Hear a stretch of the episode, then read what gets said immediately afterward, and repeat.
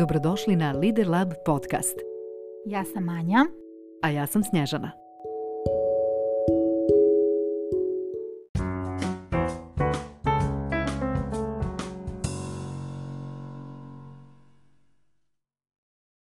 Ne možeš osvojiti planinski vrh.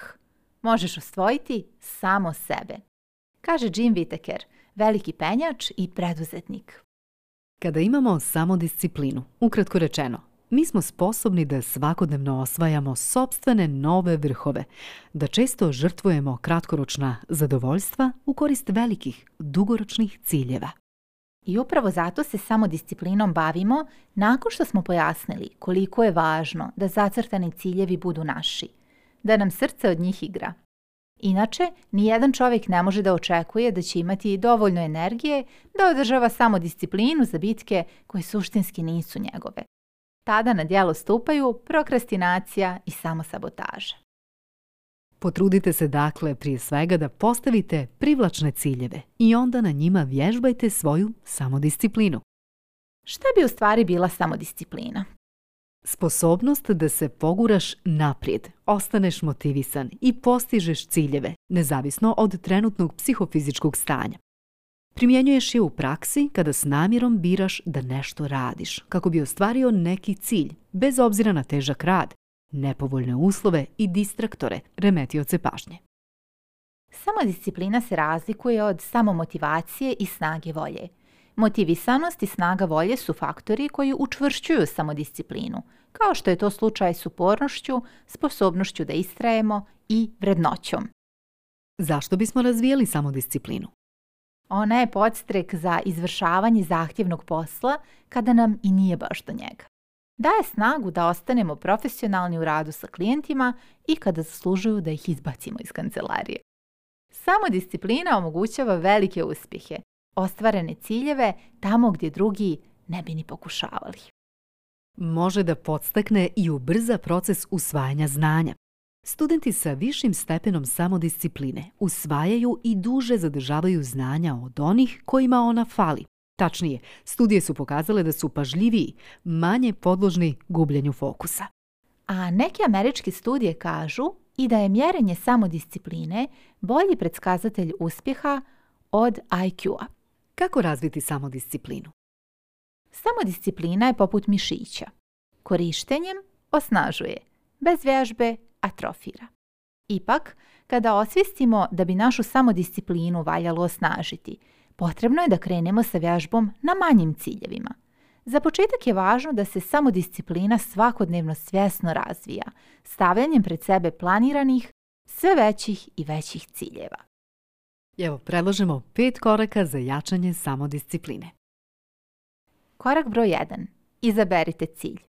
Počnite sa samo jednim ciljem.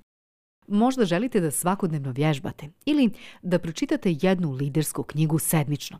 Možda za početak želite da vježbate svakodnevno i u redu je da počnete sa 10 minuta šetnje, ali da ona pređe u naviku. Čim se takvo vježbanje više ne dovodi u pitanje, podižemo izazov.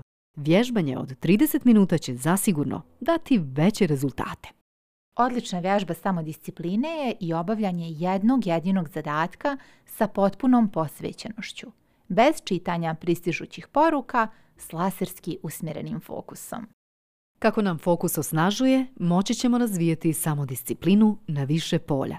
Osnažite se isteknite prvo samopouzdanje, pa onda širite svoje područje djelovanja. Osigurajte se da su ciljevi efektivno postavljeni Poslušajte treću epizodu iz serijala Na putu do cilja. Ciljeve iscepkajte na manje kad god je to moguće.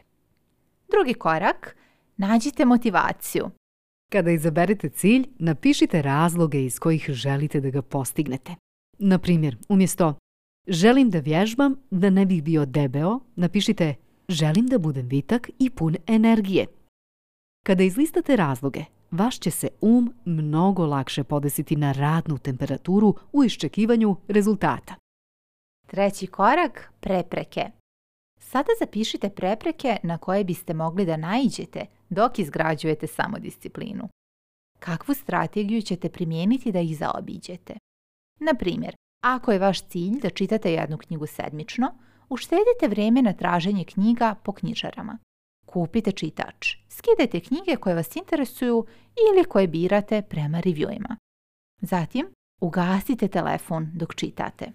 Naša se samodisciplina najčešće urušava jer nismo predvidjeli potencijalne prepreke u ostvarenju ciljeva i zato što nismo razvili strategije za njihovo prevaziloženje. Kada se ove prepreke pojave, nismo spremni da se sa njima suočimo i povlačimo se. Četvrti korak – zamjena starih navika. Kad razvijamo samo disciplinu, često se trudimo da izbacimo lošu naviku i zamijenimo je novom. Ipak, ako je ta navika ukorijenjena i uramljena u određeni dio dana ili povezana sa nekom drugom navikom, njeno izbacivanje može da stvori rupu.